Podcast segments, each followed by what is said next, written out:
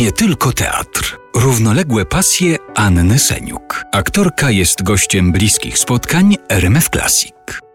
Jak to jest ze słuchowiskami radiowymi? To jest zupełnie inna materia. Tam się człowiek zamyka w czterech ścianach. Moje pytanie, które mi się nasuwa, jest takie: do kogo pani wtedy mówi? Kogo sobie pani wyobraża w głowie? I tak, zahaczyła pani o jeszcze jedną wspaniałą rzecz o radio. Radio jest ukochaną moją instytucją.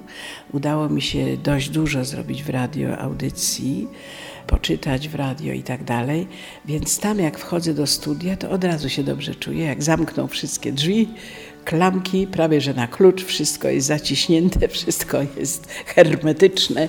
Siedzę ja się w takiej przestrzeni bardzo dobrze czuję. Jest półmrok, jest tylko lampka nad stołem. I jestem jakby sama ze sobą i takim słuchaczem prawie jednym. Nie wyobrażam sobie tysięcy słuchaczy przy, te, przy, przy radio.